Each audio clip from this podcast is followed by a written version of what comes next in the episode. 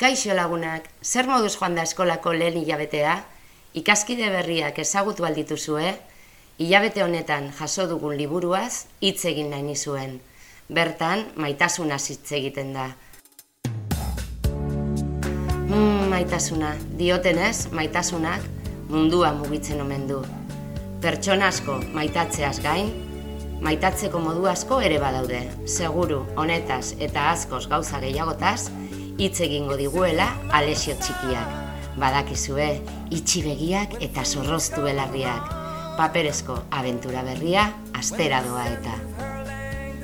Maitasuna.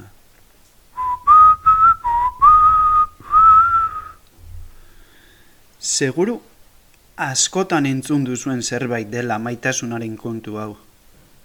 Baina, badakizue benetan zer den? Maitasunak? Mendiak mugitzen omen ditu. Handi handia eta indartsua da gero. Beste batzuentzat aldiz maitasuna fin-fina da eta gauza txikietan bakarrik aurkitu daiteke. Abestiak ere ez dira adoz jartzen maitasuna definitzerako garaian. Abesti batzuen arabera, maitasuna edo tokitan dago beste abesti batzuen arabera berriz, maitasuna, soilik airean aurkitu daiteke.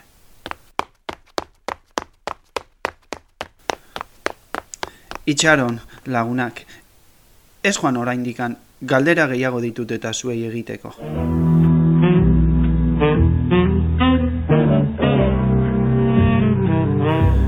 Nola da posible maitasunak mugarik ez izatea eta aldi berean handi handia izatea. Maitasunak ez omendua mairarik. Maitasuna beti aldatzen omendua. Nola ulertu daiteke hau? Egi esaten badizuet, ni ere pixka bat galduta nabil maitasunaren kontu honekin. Maitasuna ezin bada ikusi, ez ukitu, ez margotu, nolatan jakin daiteke zer den. Osabalexek kontatutako irakaspen bat datorkit burura maitasunaren gai honekin. Osabak dionaren arabera maitasuna itxasoaren moduko zerbait da. Batzuetan olatu handiekin eta bestetan bare-bare, baina beti-beti gora berekin. Osabalexek zarauzko malekoian egoten diren surfistek itxasorekiko duten maitasuna saldu zidan behin.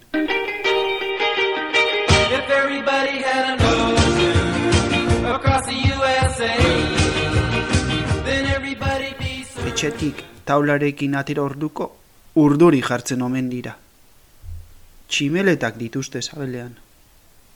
Malekoia iritsi eta olatuen soinua entzutean posposik jartzen dira olatuari begirik kendu ezin da, neoprenesko trajea jartzen dute. Momentu horretan, zoriontsuak dira. Baina badakizue benetan noiz diren zoriontsu, uretara sartu eta lehenengo olatuaren esperoan daudenean.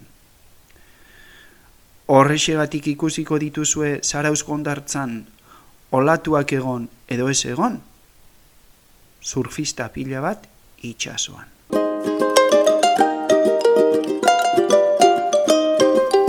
Konturatu zarete, Alex eta Alexiok egun osoa itxasoari buruz hitz egiten pasatzen dutela? Ez dute beste konturik buruan, itxasoa eta itxasoa. Itxasoa izpide bi marinelen artean. Agian horixe da maitasuna, norberak maite duena egitea. Ni buzeatzera noa, bitartean badakizue, asko maitatu eta asko irakurri. Agor!